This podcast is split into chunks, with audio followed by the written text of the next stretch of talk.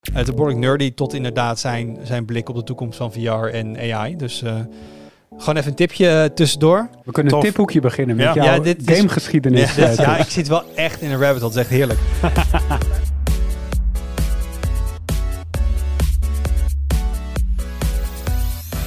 Hoi, leuk dat je luistert. Welkom bij een nieuwe aflevering van de Tweakers Podcast. Mijn naam is Wout en vandaag zit ik in de podcast met Arnaud Wokken Hoi. en met onze social media baas Jasper Jansen. Hoi, hoi. Ehm, en eh Jur die wilde er eigenlijk ook bij zijn, maar die zit heel druk in eh, verschillende deadlines. Dus vandaar dat we zeiden, neem een weekje pauze en ga dat lekker afmaken. Dan kunnen jullie dat weer op de site zien. Dat hoor je zo meteen in de sneak peek.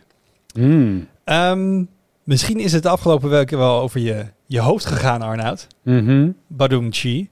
Eh, maar er was veel nieuws over communicatie tussen satellieten en telefoons. Natuurlijk bij het Apple-event. Dat, dat spande denk ik wel de kroon. Ja. Eh, met een uitleg wat je kan gaan doen in de Verenigde Staten. Onder andere als jij eh, helemaal in nood verkeert met je iPhone. Ehm, daar gaan we zo meteen wat, wat dieper op in. Want kunnen, Er we is op, meer. kun- kunnen we op termijn de 5G-netwerken gewoon weggooien. En gaan we allemaal via satellieten bellen. Het klinkt juist als oude technologie, de satelliettelefoon. Mhm. Nee, Eh, dat kunnen we niet. Dat kan ik alvast wel spoileren. Hoef je niet over in spanning te zitten Nee? een half uur lang. Dat kan niet. Oké, Nee. dat gaan we niet doen. Dus mensen bij Ziggo en KPN die mogen denken, oh, gelukkig, we kunnen nog gewoon onze netwerken in de lucht houden. Want het mag van Arnoud Wokken.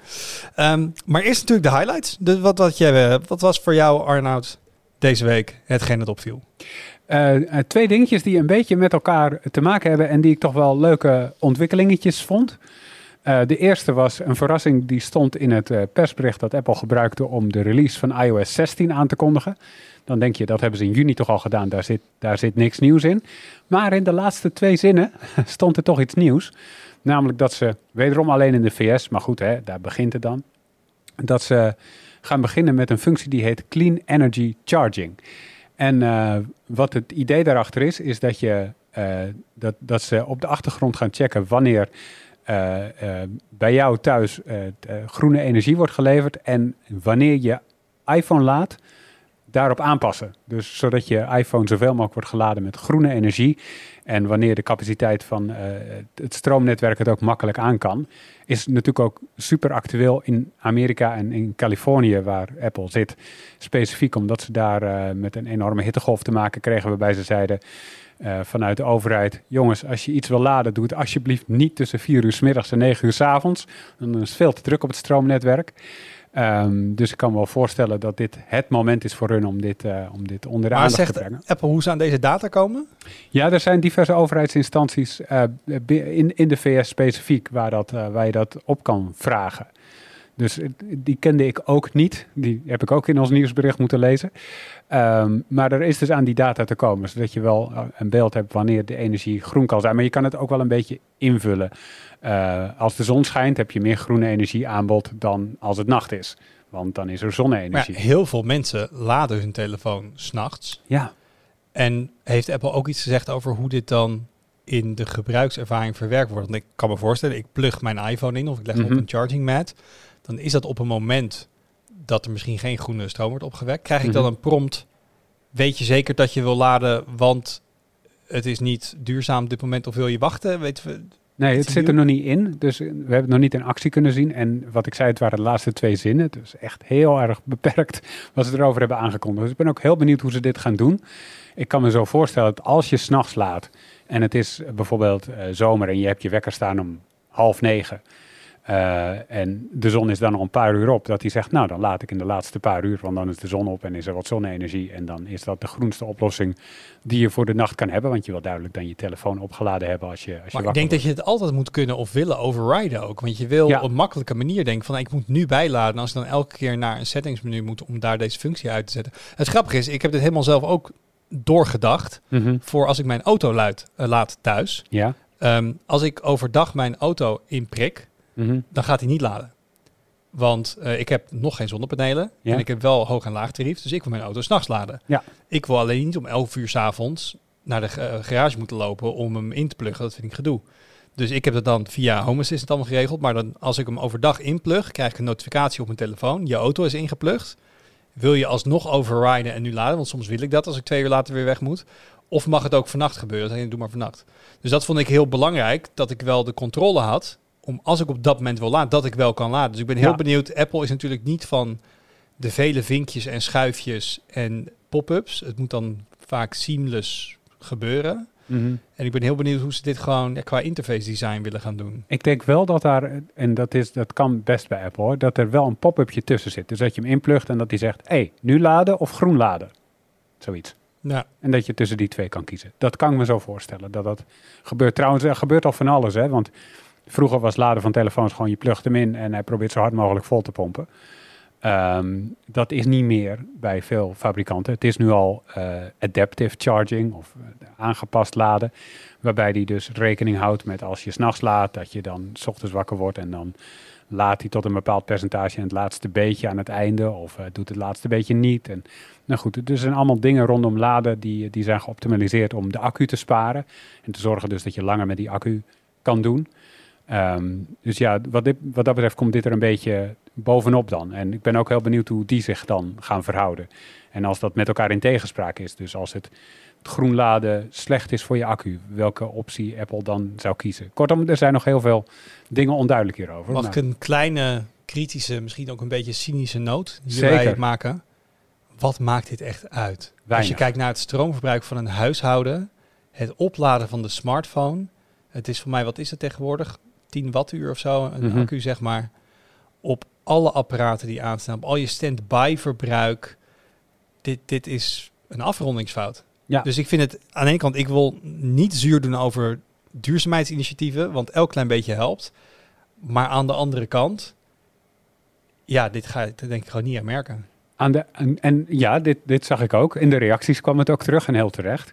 Ik bedoel, het maakt aan zich niet heel veel uit. Wat natuurlijk wel zo is, is dat Apple voor veel eh techproducten en veel apparatuur in het algemeen wel een voorbeeldfunctie heeft. Dus als Ja. Apple hiermee begint en dit inbouwt, dan kan het zijn dat andere fabrikanten, bijvoorbeeld die van je tv, denken van, hé, hey, dit is eigenlijk best wel een goed idee. Vast met Ehm, tv gaan laden. Ja, nee, dat laat je niet op. Maar om, om op die manier over stroomverbruik na Nou te ja, ik denken. wil als de Apple Car uiteindelijk uitkomt, lijkt me dit een super nuttige functie voor de Apple Car.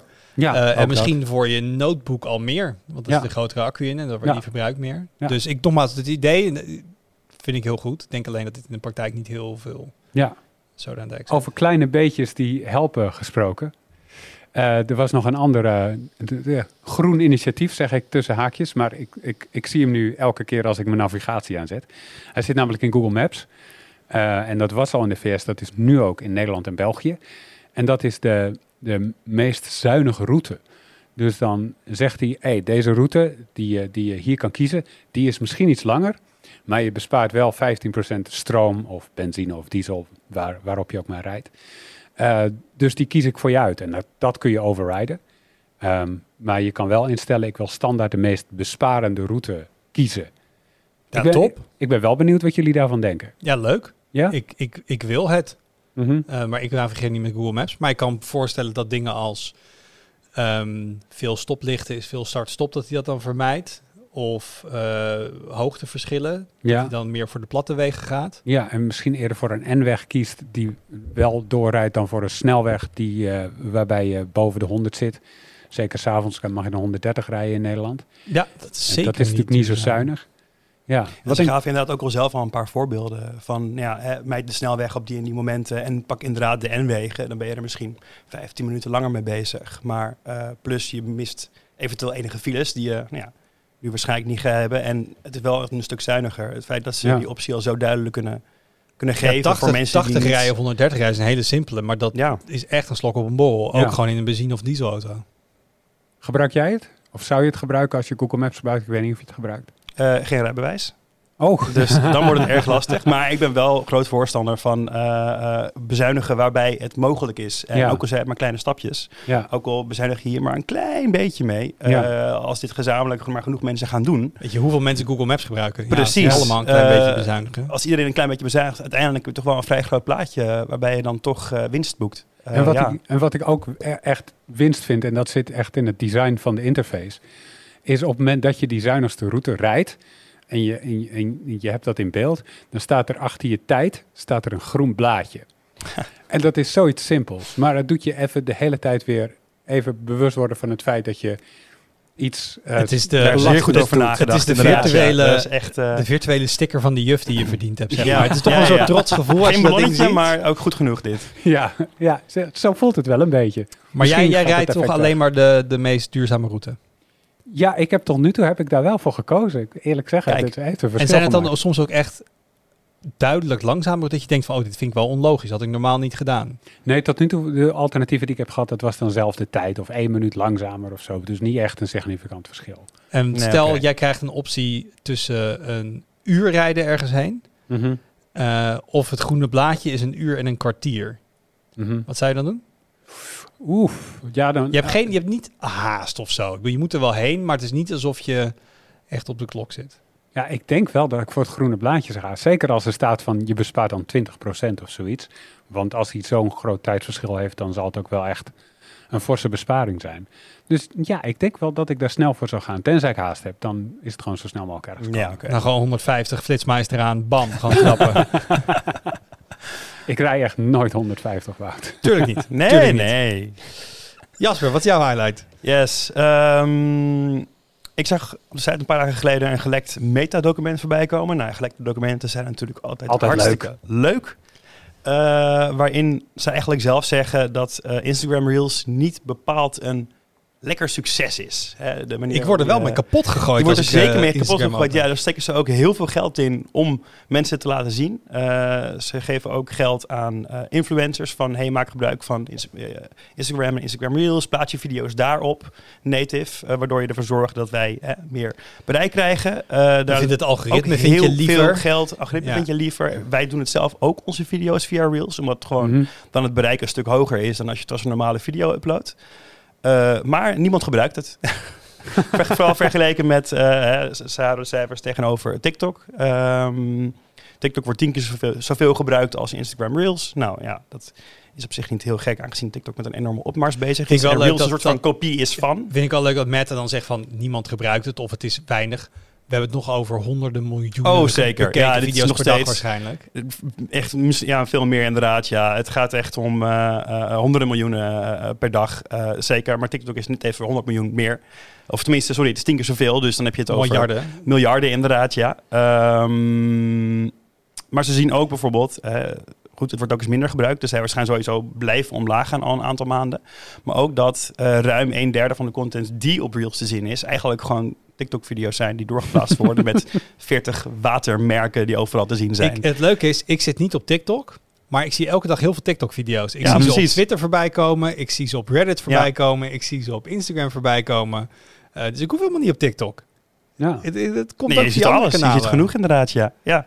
Nee, zeker. En ja, ja, in de documenten is ook wel te zien dat Facebook, of tenminste Meta in het algemeen, eh, eh, wel lichtelijk in, in, in een stressmodus zit. Een tijdje geleden gaven ze inderdaad al aan dat het wat slechter gaat. eh, en dat de gebruikersaantallen al langzaam stabiliseren slash wat terug gaan lopen. En heel erg dat Instagram, wat natuurlijk overduidelijk een fotomedium was, zei ze nee, nee, Ja, dit is een videoplatform geworden. zeker. En dat hebben ze deels teruggedraaid, maar nog niet helemaal. Want eh, het, het blijft wel, nou ja, ze zien dus ook gewoon dat dat de toekomst eh, is een beetje. Want daar, als je kijkt naar TikTok, maar ook andere eh, sociale media die gebruik maken van videocontent of korte videootjes, dat daar gewoon het meeste uit te halen valt. En dan kunnen ze inderdaad, nou ja, als ze een beetje gaan kopiëren of nadoen, maar dat, dat ja. Heel, heel veel tussendoor. Wanneer heeft Meta voor het laatst een goed eigen idee gehad? Ik bedoel, ze hebben natuurlijk Oeh. Facebook bedacht, maar WhatsApp is gekocht. Ja. Stories zijn gejat van Snap. Instagram gekocht. nu gaan ze Instagram Oculus kopen. gekocht. en- Oculus gekocht. Maar ja, dat komt opeens bij me op. Van wanneer, van wow, wanneer we laatst gedacht, dat is een slimme zet van... Nou, ze hebben dus de... Ik pak meteen mijn telefoon er even bij, want ik had erover getweet. Dat dan weer wel. Dat is weer een platform wat niet van hen is. Maar ehm, dat is natuurlijk laatst weer de, de, de Facebook-feed, het algoritme hebben aangepast. Ja. En dat zou nu ook meer interesse-based moeten zijn. Nou kwam ik laatst voor het eerst weer eens op Facebook. En toen kreeg ik allemaal posts te zien, voorgesteld voor jou, van scheepsspotter Anja. nou, En Anja ging altijd, die gaat met haar camera allemaal schepen spotten en foto's maken en selfies. Ehm, Precies in jouw straatje. ik dacht, nee, nee Facebook, dat is niet goed voor mij. Maar dat, ik, ik, Anja, ik weet niet of je luistert. Ik bedoel, je bent vast een hele goede scheepspotter, maar het is niet voor mij, zeg maar. Maar die, die, ik- nou, ik zat door Facebook heen te scrollen vorige week en ik kreeg alleen maar onzin te zien. Niemand meer die je kende. Dus dat is dan een eigen idee geweest van Facebook. En dat Pakt niet zo goed uit? Nee, blijkbaar. eh. Nee, gewoon zoveel mogelijk naar je toe gooien. En hopelijk dat er iets blijft plakken, inderdaad. Ja, ik zie ook telkens meer eh, groepen van... Oh, dit is leuk voor jou. Van, hey, dit is de, de buurtgroepsapp uit ergens in, ergens in Zeewolde, waar ik totaal niet woon. Leuk voor jou. Nee, dit, is, dit heeft niks met mij te maken. Geen enkele interesse is hier overkoepelend. Maar op een of andere manier krijg ik hem toch aanbevolen. En dat, dat gebeurt wel vaker de laatste tijd, inderdaad. Ja, ze zijn een beetje aan het zoeken van... Wat, wat nu? Ja, om meteen lukt mijn eigen vraag te beantwoorden. Ik denk waar Facebook, of Meta, nog steeds het meest vooruitstrevend is en ook echt wel dingen toevoegt, is VR op dit moment. Ik bedoel, ja, Ja. ze hebben ook eens overgekocht, eh, maar ze doen enorm veel R&D. Zeg maar, die, die, nou, die, die Meta Quest Pro komt er nu aan, ik ben heel benieuwd. Dat is echt helemaal bij hun ontwikkeld. Ze doen dus zeker heel veel tijd en moeite in de software. Ja. Dat is echt waar ze een ja, leiderschapspositie willen pakken. Maar op het ja, social media dingen heb ik die het gewoon copy-paste is op dit moment. Ja. Ja. Maar ik wil ook wel- weten hoe jij hierover denkt. Want TikTok die begon met die korte video's. Dat zit dus nu ook in Reels. Maar nu kan ik YouTube ook niet meer openen zonder dat er allemaal shorts over me YouTube heen worden. Shorts, Facebook Shorts. Precies. Eh, ja, zeker. Hoe, hoe kijk jij daarnaar? Waarom is dit ineens zo veel gekopieerd? Wat, wat, wat is er? Omdat eh, Zo ja, bijzonder toen aan. TikTok ermee begon, eh, eigenlijk vrijwel direct al het gebruikersaantal internationaal zo exponentieel toenam. Dat, dat was niet te vergelijken met eh, de, de, de eerste jaren van Facebook, Instagram, Twitter. eh, en nog steeds zitten ze in die stijgende lijn. Dat, dat, Mhm. dat gaat niet langzamer sinds het begin. Ehm, dus Facebook ziet ook, of Meta ziet ook, eh, dat als zij niet snel iets gaan doen om het of na te doen, zodat ze mensen ook bij hun terecht kunnen voor die korte, snelle content. Of iets anders gaan doen wat, wat wel eigen is. Ze worden ingehaald binnen no time. Ehm, Ja? Want ja, ja het, het totale gebruikersaantal en sowieso het aantal minuten waarop mensen niet alleen in Nederland, maar wereldwijd op, op TikTok aanwezig zijn, gaat zo exponentieel veel harder dan, dan eh, de cijfers van alle andere sociale media. Dat binnen een paar jaar wel TikTok dan het grootste sociale medium is. Ja, dan is het dus wel in een probleem van ja, we gaan nu mensen kwijtraken of we, we verliezen onze koppositie. En dat willen ze nu voor gaan zijn. En nou ja, dan merk je wel een soort van kleine paniek van oké, oh, we kopiëren het wel. Of nee, we doen dat wel. Of we doen dat wel. Ja, maar dus ja, ik zie die paniek ook. Maar ik vind het een beetje gek. Want TikTok, dat is... Ik bedoel, dat YouTube daar een bedreiging in ziet, dat snap ik. Want Ja. je gaat naar TikTok om video's te kijken. Maar op Instagram kom ik om te kijken wat mensen die ik ken aan het doen zijn. Ja, jij nog wel. jij wel ja. Maar ik denk dat echt dat je bij Instagram heel duidelijk echt meerdere use cases hebt. Mhm. En ik ken ook genoeg mensen die op Instagram alleen maar mensen volgen die ze niet kennen. Gaan allemaal celebrities of mensen die gewoon grappige Bijvoorbeeld accounts BN'ers inderdaad, soort of dingen. merken volgen, ja. Ja, maar, ja, ja oké, maar zelfs dat is nog, dat- maar daar heb je een parasociale relatie mee. Niet een gewone sociale relatie, maar het idee is hetzelfde. Ja. Zeg maar het is iemand met wie je iets hebt, van wie je dingen kijkt die ze hebben gepost. En TikTok is expliciet echt niet dat. Dat draait om de, om de voor jou pagina, waarin ze algoritmisch dingen aanraden. En dat kan van iemand zijn van wie ik al iets eerder heb gezien. En in veel gevallen ook gewoon helemaal niet. ja. Nee, maar bij, hebben een- bij Insta natuurlijk. Als ik zeg maar voorbij de eerste twee nieuwe posts van mensen die ik volg scroll, Mhm. krijg ik eronder een compleet algoritmische tijdlijn op basis van wat ze Zeker. denken dat ik leuk vind. Dus ze zijn dat ook veel meer aan het pushen elke keer. Ik zie dat ze het aan het pushen zijn, maar ik snap niet. Ik snap de bedreiging niet voor Insta. Zeg maar, ze proberen zich nu in een soort van TikTok om te vormen. En ik denk dat dat heel schadelijk voor ze is. Want dat is echt niet waar de gebruikers eh, zijn en eh, wat die willen. Dat is heel duidelijk niet. Maar ze willen die verslavende factor van TikTok willen ze inbouwen. Maar dat is ook weer lastig. Want dan heb je niet alleen het algoritme nodig. Maar ik denk ook de tools Zeker. waarmee je makkelijk de video's kan Ja. bouwen. Want daar is TikTok echt heel goed in. Eh, al die filtertjes en al die dingetjes waardoor je makkelijk video's kan maken die, eh, die, die, die er Ja, de drempel is zeer laag als het gaat Ja. om het gebruik van ja, ook elk soort muziek wat je maar kan bedenken. Precies. Eh, tot echt gewoon je video editen in de app. Dat is, dat is, ja, maar dat ik denk ook als je dus als Meta, hè, en dat, als we dat even als uitgangspunt hebben, als je niet een duidelijke visie hebt op je product, maar je bent vooral heel erg aan het reageren op wat je omgeving doet, is het ook hartstikke logisch. Kijk, als zij een lange termijn visie hebben voor Instagram, wat het in het begin was, toen het nog niet overgenomen was, dit was bijna een platform voor fotografen. Ja. Als je zegt, dit is wat wij willen maken, dan hou je daar aan vast. En dan is niet je doel werelddominantie en zoveel mogelijk gebruikers. Zeg je nee, wij willen het beste fotoplatform voor fotografen zijn. Ja. Maar voor mij het doel van Facebook is bereik. Mhm. Ja, Tuurlijk, als je het vraagt wat jullie missie is, het mensen met elkaar verbinden, al dat soort dingen. Maar in al hun acties, het is bereik. Dus als zij zien, ons bereik loopt terug, er is een ander platform waar het bereik omhoog gaat, dat is blijkbaar populair, dan gaan we het omkatten, Mhm. want dan kunnen we ook inspelen op dat bereik. Het is heel plat komt het over in, in dat opzicht. En dat je zegt, ja, Ja. maar mensen zitten op Instagram voor foto's. Zeggen ze, ja, als, als je niet echt een visie hebt op wat je product is, of zou moeten zijn, of wat het ook niet is, dan kan het alles zijn. Ja, ik, maar dat vond ik tot nu toe wel sterk aan Instagram. Is, bedoel, stories, dat was ook gewoon eh, een, een, een kopie van wat Snapchat deed. Ja. Alleen het draaide in elk geval nog om hetzelfde als de gewone post. Namelijk laten zien wat je doet, alleen dan in een, in een andere vorm. Maar wat de richting die Instagram nu op aan het gaan is, draait niet meer om laten zien wat je doet. Maar gewoon achterover zitten en kijken wat voor grappige video's eh, willekeurige vreemden hebben gemaakt. Mhm. En ik vind die focus een beetje gek. Zeg maar, als je de functies kopieert, dan zou dat... Vanuit het In lijn moeten productoogpunt vind ik het ook gek. Ja. want het, Ja. het, het is een soort gekke spagaat en het past niet bij wat Instagram tot nu toe was. Ja, Maar eh, ik denk het echt dat het een, een, een, een kat in het nauw maakt rare sprongen. En ik denk dat zij zien dat TikTok zo groot is, het dichtst in de buurt van Facebook om katten naar TikTok is lastiger. Een compleet nieuw ding bouwen ook. Ja, dan gaan we het maar langzaam van binnenuit Instagram doen, komt het dichtst in de buurt. ja. Ja.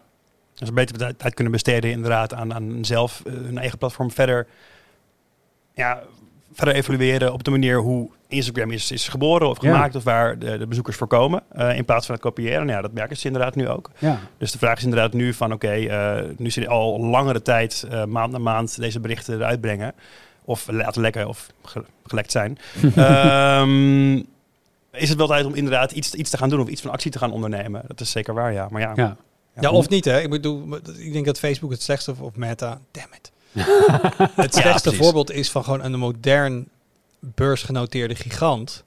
Er is constant druk van, oké, waar komt de volgende groei vandaan? Ja. ja. En als jij je eigen bakkerij om de hoek hebt, en misschien zijn er wel een paar jaar dat eh, het gewoon heel goed gaat, omdat een bepaald type brood hip is, ja, en dan heb je weer een paar jaar dan verdien je wat minder, maar zolang je gewoon rond kan komen is het goed. Maar dat is, het is nooit goed Nee. genoeg bij dit soort bedrijven. Er moet groei op groei op groei. Waar komt de groei vandaan? Dat zie je met Apple nu ook compleet hetzelfde. Ja. Ze hadden ook gewoon kunnen zeggen, we zijn het rijkste bedrijf ter wereld, we draaien enorme marges, tevreden klanten. We gaan gewoon een nullijn aanhouden vanaf nu. Mm. Maar Ja. ook aandeelhouders, ja, maar wat wordt je volgende product? Wat wordt je volgende Ja. groei? Ja. Dat lijkt me ook een hele lastige omgeving in, om in te moeten opereren, om creatief in te zijn, om echt met visie te komen. Is Als het constant is, Ja. bij de volgende kwartaalcijfers, waar komt onze groei vandaan? Ja. En vanuit die context snap ik denk ik wat Meta doet.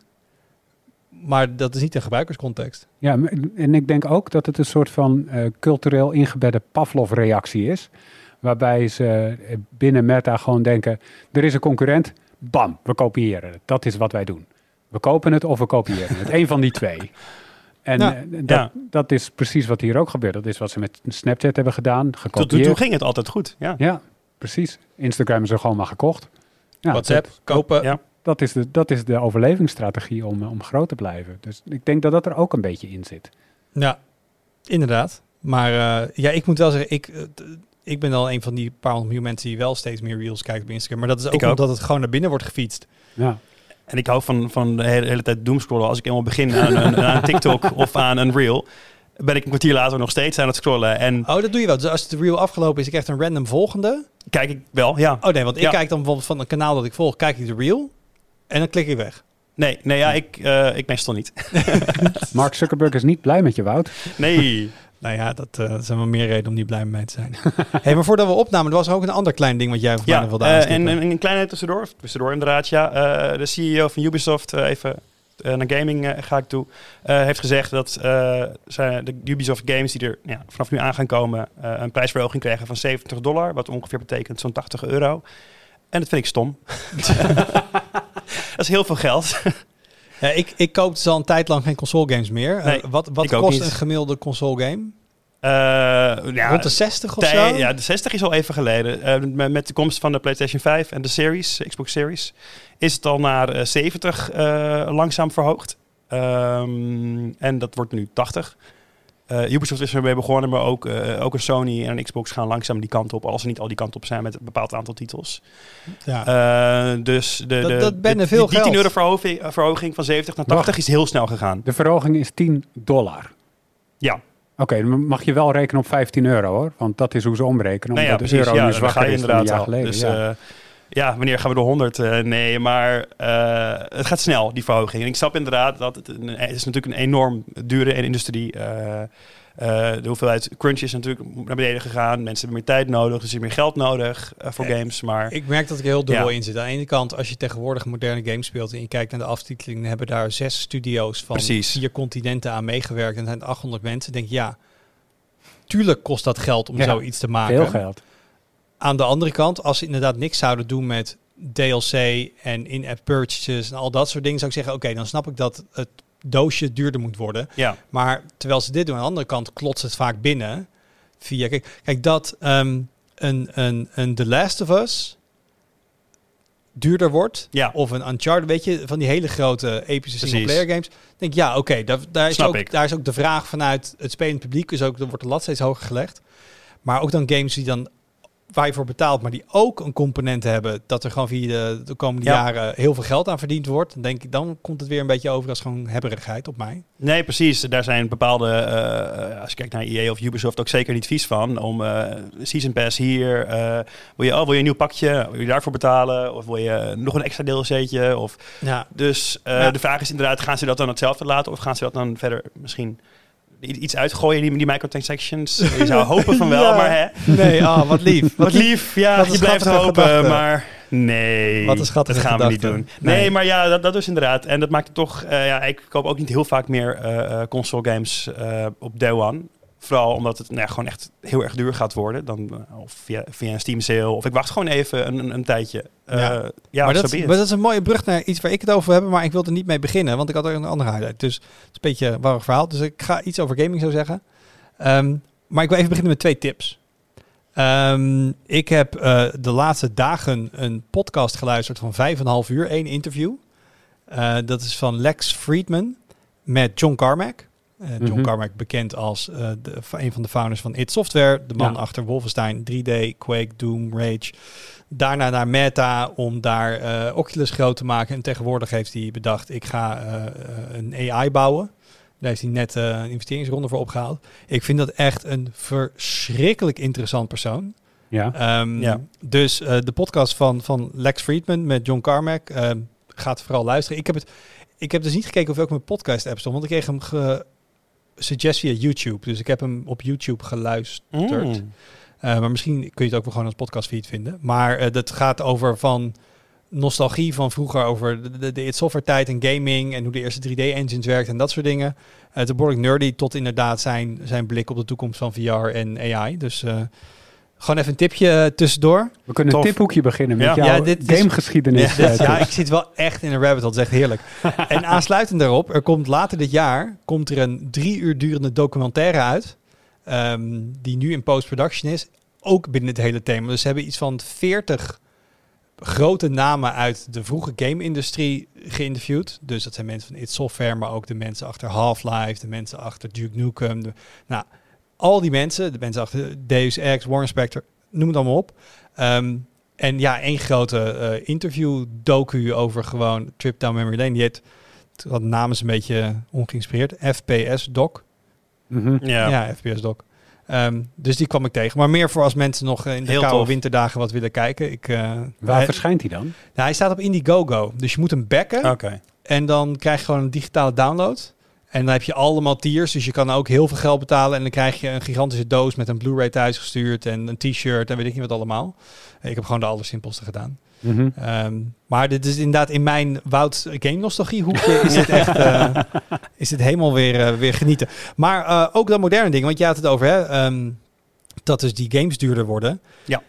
We hebben het in het verleden in deze podcast regelmatig gehad over Stadia, want dat was dan de nieuwe speler op het gebied van game streaming. Nou, er ging Mhm. ook laatst weer een gerucht dat Stadia misschien het nek omgedraaid zou worden. In Google, nee, dat is zeker niet waar.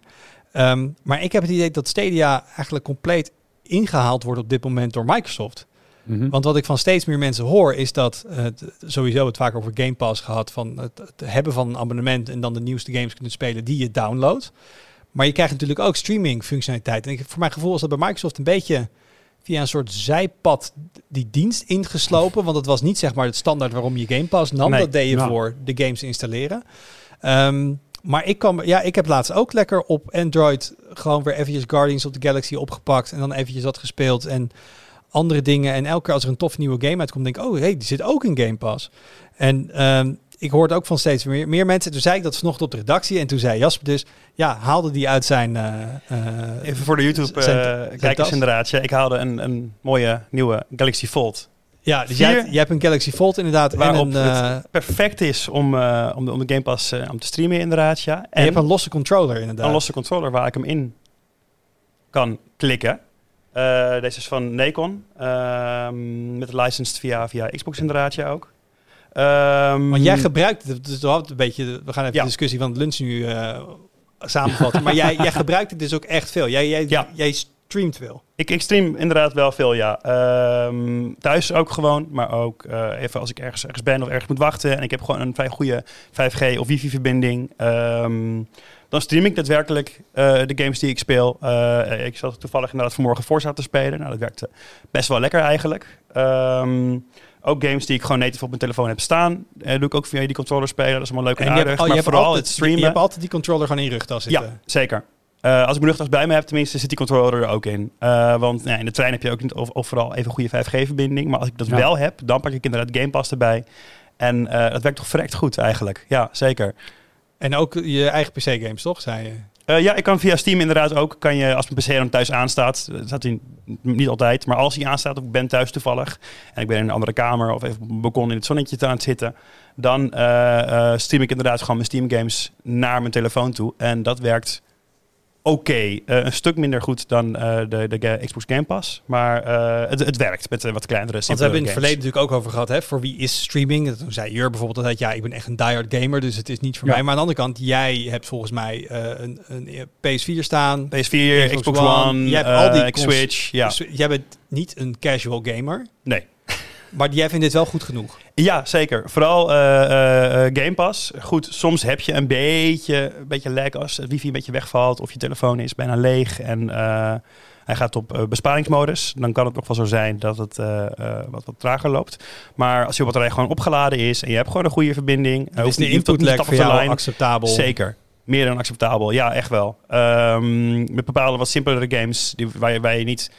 Geen Call of Duty of iets bijvoorbeeld waar je, waar je heel snel online wil gamen. Ja, dan kan het nog wel wat, wat, wat lastiger zijn en wat trager.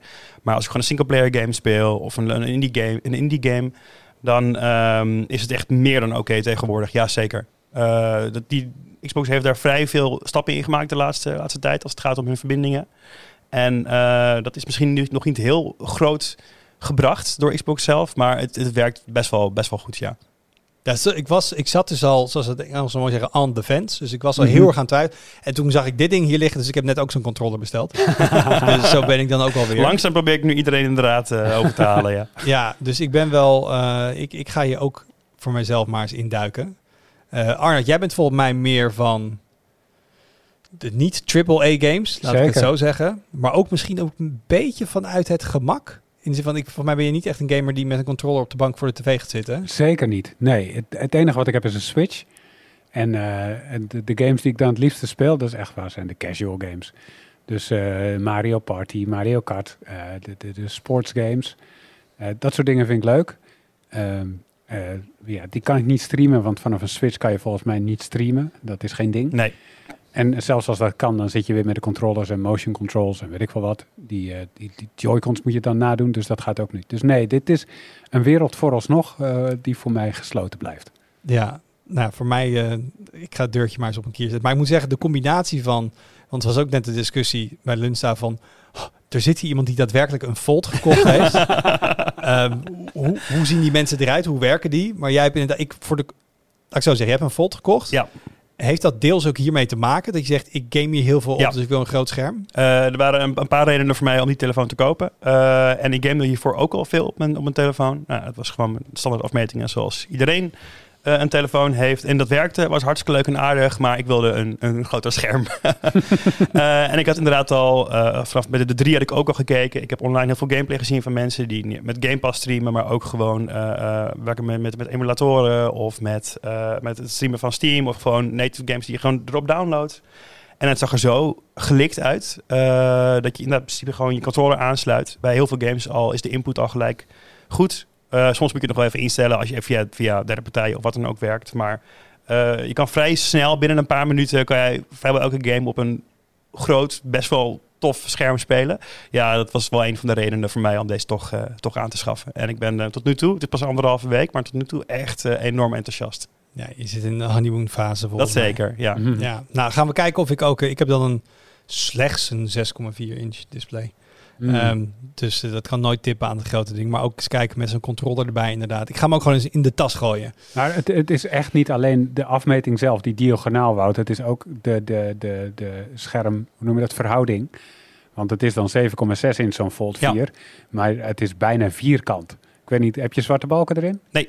Nee, helemaal Nou ja, niet. bij, bij sommige games eh, wel inderdaad, ja. Maar de meeste games die, die schalen automatisch eigenlijk al zonder dat je iets aan hoeft te doen Ja. naar, eh, de volledige, ja, naar je volledige scherm. Eh, als ik kijk inderdaad naar, naar een Forza bijvoorbeeld, dan werkt dat perfect. Dan heb je gewoon in principe gewoon een, een vol, Fullscreen. fullscreen inderdaad, ja. Niks zit in de weg, Eh, ja zeker. Ja, ja, ik- ik vind dat scherm altijd twee, drie keer zo groot voelen als een gewoon telefoonscherm. Om- Ja. Omdat het zo'n andere verhouding heeft. En eh, nou ja, dat, dat zie je niet aan de specsheet af. Maar dat is wel mijn ervaring. Hoe het, in de, hoe het in de praktijk gaat. Nou, Ja. Ik begin eerst maar met een controller. En misschien, jongen, eindig ik ook gewoon volgend jaar met een foldable. Weet. moet er toch ook een keer van komen. Mhm. Toch? We gaan toch allemaal aan de foldable? Uiteindelijk. Uiteindelijk, ja, hopelijk. En die foldables, die kunnen dan misschien wel met satellieten babbelen. Hey, Ja, toch? Nee, oké. Luchtbrug dit. Luchtbrug. Maar ehm, ik denk de grootste aankondiging was die van Apple. Zeker. Maar dat was niet de enige aankondiging Nee. de afgelopen week, wil ik zeggen. Die te maken, paar had, weken. te maken had met telefonie en satellieten. Dus voor de mensen die alleen die van Apple hebben meegekregen, hoe zit het met die anderen? Eh, er zijn twee andere grote aankondigingen geweest. Eentje was van Huawei. Eh, dat, dat was een paar jaar terug nog een hele, hele grote aankondiging geweest. Een nieuwe Mate smartphone. Tegenwoordig valt hij een beetje in het niet. Ze, ze deden de presentatie ook in het Chinees. Eh, want het is eigenlijk alleen voor de thuismarkt China. Dus daardoor, eh, nou ja, Want geen Google nieuws Play Services Precies. en dat soort zaken. door de, door de sancties van de Verenigde Staten die eh, in de, de jaren van Trump zijn ingesteld en die Biden heeft gehandhaafd en in sommige gevallen volgens mij zelfs uitgebreid. Dus die, die presentaties die, die, die komen nu niet zo ver meer, zeg maar, zijn niet meer zo aansprekend. Maar dat was er wel. En een van de aankondigingen die ze deden, een van de nieuwigheden, is, eh, en dat was een dag voor de iPhone-presentatie, want ze wilden toch sneller zijn, was eh, satellietcommunicatie, satelliet-sms'jes, via het eh, satellietsysteem van Baidu, Chinese GPS-alternatief. Dat zat er ook al een paar jaar aan te komen. Er was al, eh, Baidu had al een chipje ontwikkeld die gewoon op PCB van een telefoon kon. In plaats van dat je een groot apparaat nodig had om die communicatie tot stand te brengen. En nou ja, dat was nu dus klaar en dat zat in een nieuwe Huawei-telefoon. En de andere grote aankondiging, dat was, eh, dat, dat was wel aansprekend, want dat was Elon Musk. Die eh, op, op een best mooie locatie zat met de CEO van T-Mobile in de Verenigde Staten. Om aan te kondigen dat T-Mobile en Starlink gaan samenwerken. Starlink komt met zijn V2-satellieten, waarop eh, een soort grote ja, mobiele antennes zitten. Ik weet niet hoe ik het anders, een soort zendmasten zijn het alleen dan in de ruimte. En daarmee kun je dus eh, eh, eh, beperkte bandbreedte, dat is niet alleen nood-sms'jes, dat is echt wel ook internettoepassing. En dan deel je over een hele cel. En ik weet niet precies hoe groot het is, maar ik neem aan iets van 50 bij 50 kilometer of iets in die trant. Heb je dan 2 eh, tot 4 mbit per seconde, allemaal gezamenlijk, dus per cel. Heel beperkt internet dus, maar het is wel internet. Maar dat is iets wezenlijk anders, want dan gaat dus dat Starlink-netwerk een 5G-net erop zetten. Ja, Dus jouw telefoon verbindt gewoon met 5G met dat ja, met, met, met de satelliet, inderdaad. Ja, en dat is wel de bedoeling om te zorgen dat je bereik hebt waar je geen bereik hebt. En ja, nog steeds is het beperkter dan als je gewoon met, eh, met de zendmast eh, aan de slag bent. Ik denk niet dat je Game Pass kan streamen als je, als je Nog niet. Die, die verbinding hebt. Maar het idee is, satellieten die continu eh, vliegen die over ons hoofd heen. Ja. Een netwerk voor 5G moet opgezet worden. Maar als jij eh, in de Sahara of in de Gobi staat, of midden in de woestijn, dan moet je altijd een satelliet kunnen vinden aan de horizon. Precies. Precies, en bovendien hebben veel telefoons hebben al satelliet, eh, hoe noem je dat, eh, verbindingen. Want het modem ondersteunt die frequenties gewoon vanwege dat je je locatie wil weten. Dat werkt gewoon met satellieten. En dus de antennes zitten er ook al in. Alleen die zijn normaal gesproken niet krachtig genoeg om gewoon een goed signaal vast te Nee, je hebt houden. over GPS. Dus eigenlijk, we kunnen Ja. van satellieten gewoon GPS-signalen ontvangen. Precies. Maar dat zijn hele kleine pakketjes. Ja. Met positioning data. Ja. Ehm, maar gebruiken deze bijvoorbeeld zo'n iPhone of zo'n Huawei-telefoon, gebruikt die dan je GPS-chip hiervoor? Of Ja, voor zover ik heb kunnen achterhalen wel. En het, daarom zie je ook die demo's. Uh, want de antenne is gewoon niet krachtig genoeg. Als je dedicated GPS-apparatuur uh, hebt voor nood, zo van, van, van die dingen die, die uh, mensen die dan heel ver weggaan en ver buiten bereik zijn en toch een signaal willen verzenden, dan, dan zie je zo'n grote antenne op zitten. Dat is natuurlijk niet voor niks. want het is niet makkelijk om zo'n zo'n zo'n satelliet te vinden. Nou ja, ik heb Starlink thuis gehad. er ja. een flinke schotel oh, ja. bij, kan ik je vertellen. Precies. En daarom zie je ook in die interface dat ze precies laten zien waar je moet richten. Dus dan zie je een soort van halve cirkel en dan moet je precies richten waar die satelliet is. En dan uh, kan hij die verbinding maken. En dan nog duurt het super lang om een bericht te sturen. Dus heel makkelijk is het niet. Maar het gaat inderdaad gewoon met de hardware die in de telefoon zit. Het is niet dat je een externe antenne moet inklikken of zo. Nee, want ja, oké, maar het is wel Laten we even kijken naar Apple bijvoorbeeld, wat ze hebben mhm. aangekondigd. Ja. Dat werkt alleen op de iPhone 14 of werkt het ook op eerdere iPhones? Het werkt alleen op de iPhone 14. En het zit dus ook... zij kunnen daar hardwarematige wijzigingen aan hebben gebracht die daarvoor ja, nodig waren? Ja, dat zou kunnen. Dan, ik heb de teardowns nog niet gezien, dus ik weet niet of het... Want het Qualcomm modem, wat uh, zeg maar die ondersteuning biedt voor die satellietverbinding, die zat er volgens mij vorig jaar ook al in. Dat is gewoon een 5G-band, N53. Uh, want ze gebruiken de diensten van een bedrijf dat heet Global Star. En die gebruikt die band. Um, en dat is gewoon tussen haakjes 2,4 gigahertz. Dus daar zit wifi en bluetooth ook. Dus de antennes die kunnen daar heus wel mee overweg. Alleen ja, je moet uh, de verbinding maken met die satelliet. Dus daarom moet je richten.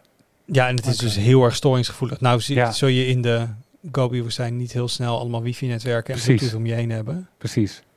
En ja, dat is dus de hele gedachte. Zeg maar. Je bent ver weg van alles. Ja, want dat is de use case. Misschien eventjes de use case van de verschillende fabrikanten. Hoe ook hoe Apple het omschrijft. Is jij bent ergens... Voor in de VS is dat ook misschien wat aannemelijker dan het dichtbevolkte Nederland. Maar je bent lekker in een, een van de vele mooie national parks. Daar ben je aan het hiken. Je, misschien verdraai je enkel of iets anders. Je hebt geen bereik. En je kan dan via die iPhone een bericht sturen. Ja. Of kun je bellen. Nee, je kan een bericht sturen. Sterker nog, om te zorgen dat het zo klein mogelijk is, dat bericht, um, ga je een soort van interface door. Zo van, wat is het noodgeval? Um, uh, en dan staan er een aantal opties. En als je een van die opties aantikt, dan hoeven ze natuurlijk alleen een code te sturen van een paar cijfers. En dan kun je nagaan wat, zeg maar, uh, aan de andere kant wat er bedoeld wordt. Maakt daar, je hebt een set standaard berichten ja. die je kan sturen. Inderdaad. Precies. En als je die hele interface door bent, dan stuurt hij dat in één keer als bericht. Nou, dat gaat dan naar de satelliet, komt naar de grond. Daar wordt het allemaal weer uitgeschreven en gaat dan naar dichtstbijzijnde nooddiensten. Eventueel worden die nooddiensten gebeld als die geen sms'jes kunnen ontvangen. Uh, dus dat is hoe die van, uh, die van Apple werkt. En trouwens ook die van Huawei volgens mij ongeveer hetzelfde. Um, is een van jullie ooit in deze situatie geweest? Dat je ergens was zonder bereik, dat je echt een nooddienst moest bereiken? Ik ben ook niet iemand die, die hike door de, door de woestijn. Uh, maar ik snap wel dat voor, voor een bepaald categorie uh, mensen die inderdaad uh, zo ja, wat avontuurlijker is. um, dit zeker een, een vrij belangrijke mogelijkheid is. Want je hebt het misschien hopelijk nooit nodig, maar het feit dat het mogelijk is en als je het ooit no nodig hebt, is wel een, een enorm grote toevoeging. Ja, ik denk wel, denk de mensen die echt professioneel van de kaart gaan, om het zo maar te zeggen. Die, die hebben een GPS-telefoon of die iets. Die hebben vaak wel een los device bij zich. Een, een GPS-tracker die, die uh, zeg maar, terug naar huis straalt, zeg maar. Ja, en, en, updates afgeeft. Um, dus dan is het Arne meer bedoeld voor ja, toch een beetje de avonturierlijke iPhone-gebruiker. Dan moet ik zeggen dat de, de netwerkdekking in Amerika is ook snel slechter dan dus je, je, zal ook sneller ergens zitten zonder bereik. Ook in de stad zit je dan... Uh... Maar stel je woont in... Um, nou, even in, in, Arizona ergens of zo, daar heb je altijd hele mooie van die hele desolate, uitgedroogde gebieden. Maar je kan hartstikke mooi hiken. En in het weekend vind je het leuk om daarheen te gaan. En dan heb je dus nu in je iPhone de optie, als het echt misgaat, om ja. een bericht te sturen. Ja. Aan de andere kant, zeg maar, dit is nog, uh, dit, dit komt net uit. Het komt in november uit. Ik weet niet of je dan onmiddellijk, zeg maar, hierop vertrouwt.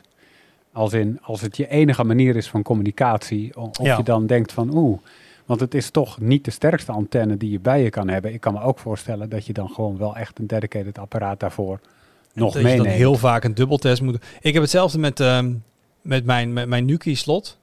Mm -hmm. maar ik durf nu, dat ding heb ik al een tijd sinds kort zonder sleutel de deur uit. Ik weet nu zo goed dat dit ding gewoon elke keer open gaat.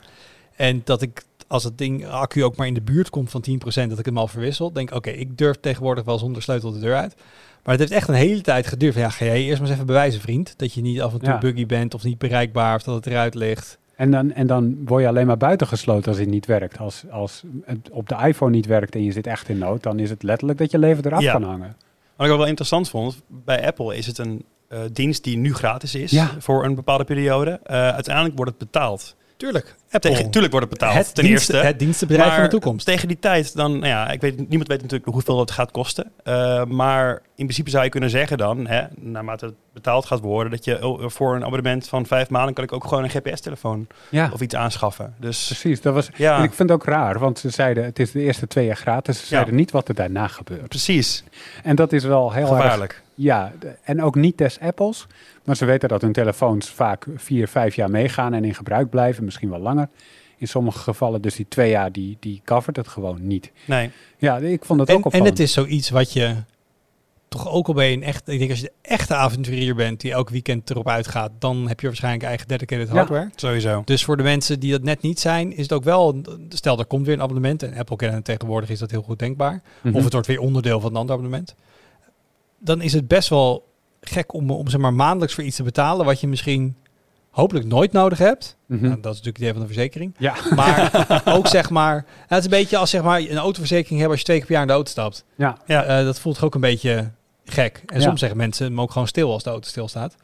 ja Ehm, ik, ik denk ook dat het een hele kleine niche is, inderdaad. Dus is dit dan, dat vraag ik me altijd af, hè, hoe zoiets tot stand komt, denk ik, is dat dan een engineer die zei, hey verrek, we kunnen gewoon met deze antennes zouden we gewoon een noodbericht kunnen sturen. Oh grappig, laten we doen.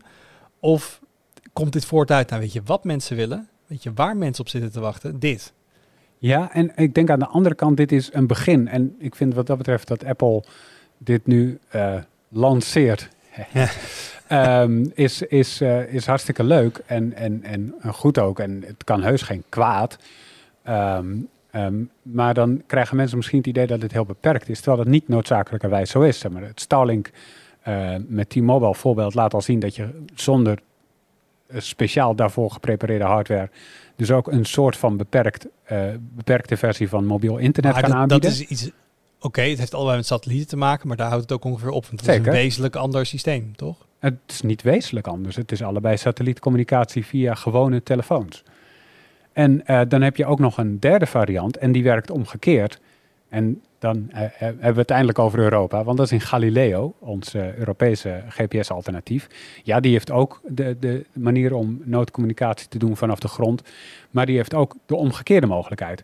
Dus als je in een gebied bent en daar komt een storm aan, of er is een bosbrand en die komt jouw richting op, dan is het vanaf 2023 mogelijk om vanaf Galileo-satellieten een noodsignaal naar de grond te verzenden, naar een bepaald gebied. Een, eh, een, eh, Geen NL-alert, maar een Galileo-alert. Galileo-alert, zeker. Het komt ook naast NL-alert en eh, BE-alert te staan.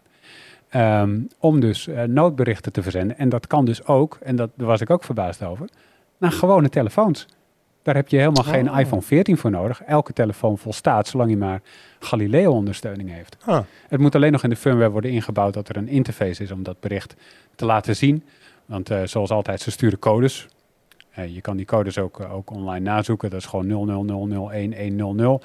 En dan moet die telefoon weten, dit staat voor blijf binnen. Ehm, dus maar in dat principe moet er is dat natuurlijk. Maar wel logisch, want GPS is een passief systeem. Ja. Want er, die satellieten sturen gewoon die timingdata naar beneden en jouw telefoon pakt dat op en die Ja. krijgt gewoon data binnen. En in diezelfde datastream kan je natuurlijk ook in een normaal GPS-signaal om de zoveel blokken of zo eventjes Ja. een, een stukje metadata meesturen. Ja. Van oké, hier stoppen we ook even een warning eh, in. exact. En dat is dus wat er gaat gebeuren. En eh, nou ja, dat vond, vond ik toch ook wel een toepassing waarvan ik dacht, hé, hey, daar had ik niet zo over nagedacht. Maar natuurlijk kan dat. Ja, Ik ben ook een beetje flabbergasted. Ja, het technisch als je hem doordenkt, ja, nee, de, de, de- waarom zou het niet kunnen? En ik denk dat het nog een veel nuttigere functie is, omdat eh, als je afgesneden bent van andere communicatie en eh, je hebt je enkel niet gebroken, dus je loopt gewoon lekker door, is het heel nuttig om te weten dat er een storm aankomt of een, of een vloedgolf of, eh, of een bosbrand. Eh, ja, dit kan, dit kan ook weer levens redden. ja. Ja, en dan hebben we dus, dus dat verhaal van Elon Musk staat hier eigenlijk gewoon een beetje naast, want wat hij gewoon doet is 5G-masten In de ruimte door neerzetten. in de ruimte neerzetten en dan Wat, ja, dan krijg je echt iets heel anders. Dan krijg je dus gewoon een vliegend 5G-netwerk met dus wel bandbreedtes waar je dus wel mee op internet zou kunnen. Ja, Eh, is, zijn, is daar iets over de prijs bekendgemaakt? Wat dat dan zou moeten gaan kosten? bij T-Mobile in de VS is het vooralsnog zonder extra kosten. Eh, dus dat doen ze vooralsnog op die manier. Maar dat, ook dat is een vooralsnog, Ja. net als bij Apple. Ik denk dat ze eventjes de komende jaren, en dat zal Apple ook doen, willen aanzien hoe de kosten zich ontwikkelen en hoeveel dat echt extra per gebruiker. Want dat is uiteindelijk voor de gebruiker. Ik bedoel, het is natuurlijk fijn dat als jij eh, je enkel verzwikt ergens in de bergen, dat je een noodsignaal kan uitsturen. Maar het liefst stuur je gewoon een WhatsApp bericht Ja. naar je partner of een vriend of eh, vriendin die thuis zit. Ja, en, En als je dan dat- toch zit te wachten, weer lekker reels kijken. Lekker reels kijken, lekker streamen. Even, ja, Nee, maar een, een, een halve mbit of zo heb je genoeg aan als het gewoon Ja. om een beetje internetdata gaat. Zeker. Dus dat vind ik uiteindelijk richting de toekomst. Is dat het is een eerste stap. Ja. nog wel interessanter eigenlijk. Ja, dus ik ben heel benieuwd waar dit heen gaat. Maar het voelt wel als een soort van nieuwe, nieuwe bladzijde in het smartphone-tijdperk. Want dit is voor het eerst dat het echt richting satellieten gaat. En we dus Ja, met die communicatie loskomen van de, van de zendmasten waar we altijd aan vast hebben grappig, want voor- mij in de jaren negentig, als je soms wel eens een film keek, dan was er iemand met een satellite phone. Ja, Een van de actiefilms. Het waren van die enorme dozen Ja. met zo'n antenne eraan inderdaad. Het is best bizar als je dan ziet hoe ver we gekomen zijn. Mag ik een heel klein zijpad inslaan? zeker. Want je zei heel veel tussendoor, Huawei heeft dit ook op een nieuwe meet. Ja, die, die volgen we niet meer. Ja, Ik heb inderdaad die hele aankondiging niet echt meegekregen. Is, is dat nog wat? De, de, de, de high app, bij het zien van deze aankondiging dacht je toen, ah, een nieuwe meettelefoon. Wat jammer dat daar geen Google services op staan. Die had leuk, leuk ook in Nederland zeg maar uit kunnen komen. ja, ja en nee. Want, eh, Want toen ze nog wel uitkwamen, was Huawei heel erg bezig met een opmars. Zeker. Eh, ze hebben een van hun grote, grote USP's, een van hun unieke punten, hebben ze verloren. Want eh, er zitten geen eigen socks meer in. De Kirin? Geen, de ontwikkeling van de hele Kirin is gestopt, want ja, chips maken met die sancties, dat is zo goed als onmogelijk. Dus er zitten gewoon Snapdragons in van Qualcomm, maar dan met het 4G-modem in plaats van 5G. Want ook dat mag niet. Er mag geen 5G in zitten. Ehm, dus eh, daar zitten ze al op eh, twee keer op achterstand. Ze doen nog wel aardige dingen met, met, met camera's, inderdaad. Ehm, maar eh, ja, dat is, het, het voelde iets minder baanbrekend dan dat het een paar jaar geleden Nee, deed. ze inderdaad Zal ook minder budget achter zitten nu en minder dat soort restricties hebben. Ja, Oké, jammer. Denk, Ja, check zonde. even in. is ook jammer, zeker. Dan kijk je nog even vooruit naar wat er op de, de site verschijnt. Zoals ik aan het begin al zei, Jur is, eh, is druk bezig. Eh, die is nu video aan het opnemen. Dus als alles goed gaat en daar niks misgaat, dan eh, gaan we, kunnen jullie gaan kijken naar eh, F1 Manager. Daar ben ik eigenlijk best wel benieuwd Mhm. naar. Dat was denk ik jarenlang heel populair op mobile. Dat je verschillende bedrijven, motorsport manager en dat soort dingen. Er is dit jaar voor het eerst een officiële F1 Manager game. Dus met alle, alle, alle licensing en zo. En die ook nog eens niet alleen top-down dan als je al simuleert, maar ook echt in 3D kun je gewoon aan boord meerijden. Het is echt een soort van hybrid tussen nou, de echte F1-game en, en de manager-game. Nou weet ik, als ik hier op maandag binnenkom en is een race geweest, is iedereen eigenlijk stiekem van binnen een beetje teambaas. Net zoals dat iedereen voetbalcoach is. en iedereen weet waarom Ferrari nu weer de foute keuze heeft gemaakt. Dus eh, ik, eh, ik ben persoonlijk wel benieuwd, want ik heb de game nog niet gespeeld, hoe... eh, nou, hoe leuk het is om die rol. ik vind het racen leuk, maar ook gewoon de teambaas spelen en dan wel de goede pitstop strategie. Ja, dus, eh, dus dat komt eraan. Voor de rest in de gaminghoek zijn we al een tijdje bezig. Dat, dat gaat er uiteindelijk komen met een, eh, een analyse van een nieuwe Spider-Man PC-game. Oeh, Want Sony ja. brengt natuurlijk ook steeds meer uit richting, eh, richting de PC. En de, en de Spider-Man is een van de grotere titels. Dus daar is collega eh Reinoud druk mee bezig. Eh, en er komt volgens mij binnenkort weer een nieuwe grote update van Windows 11 uit. Ja. Ja. Dus daar zijn we achter de schermen ook maar naar, met de insider beeld bezig om te kijken wat daar nieuw in is. Dus spannend. dat en meer binnenkort op de website. Ik, ik heb maar één vraag over de nieuwe Windows 11.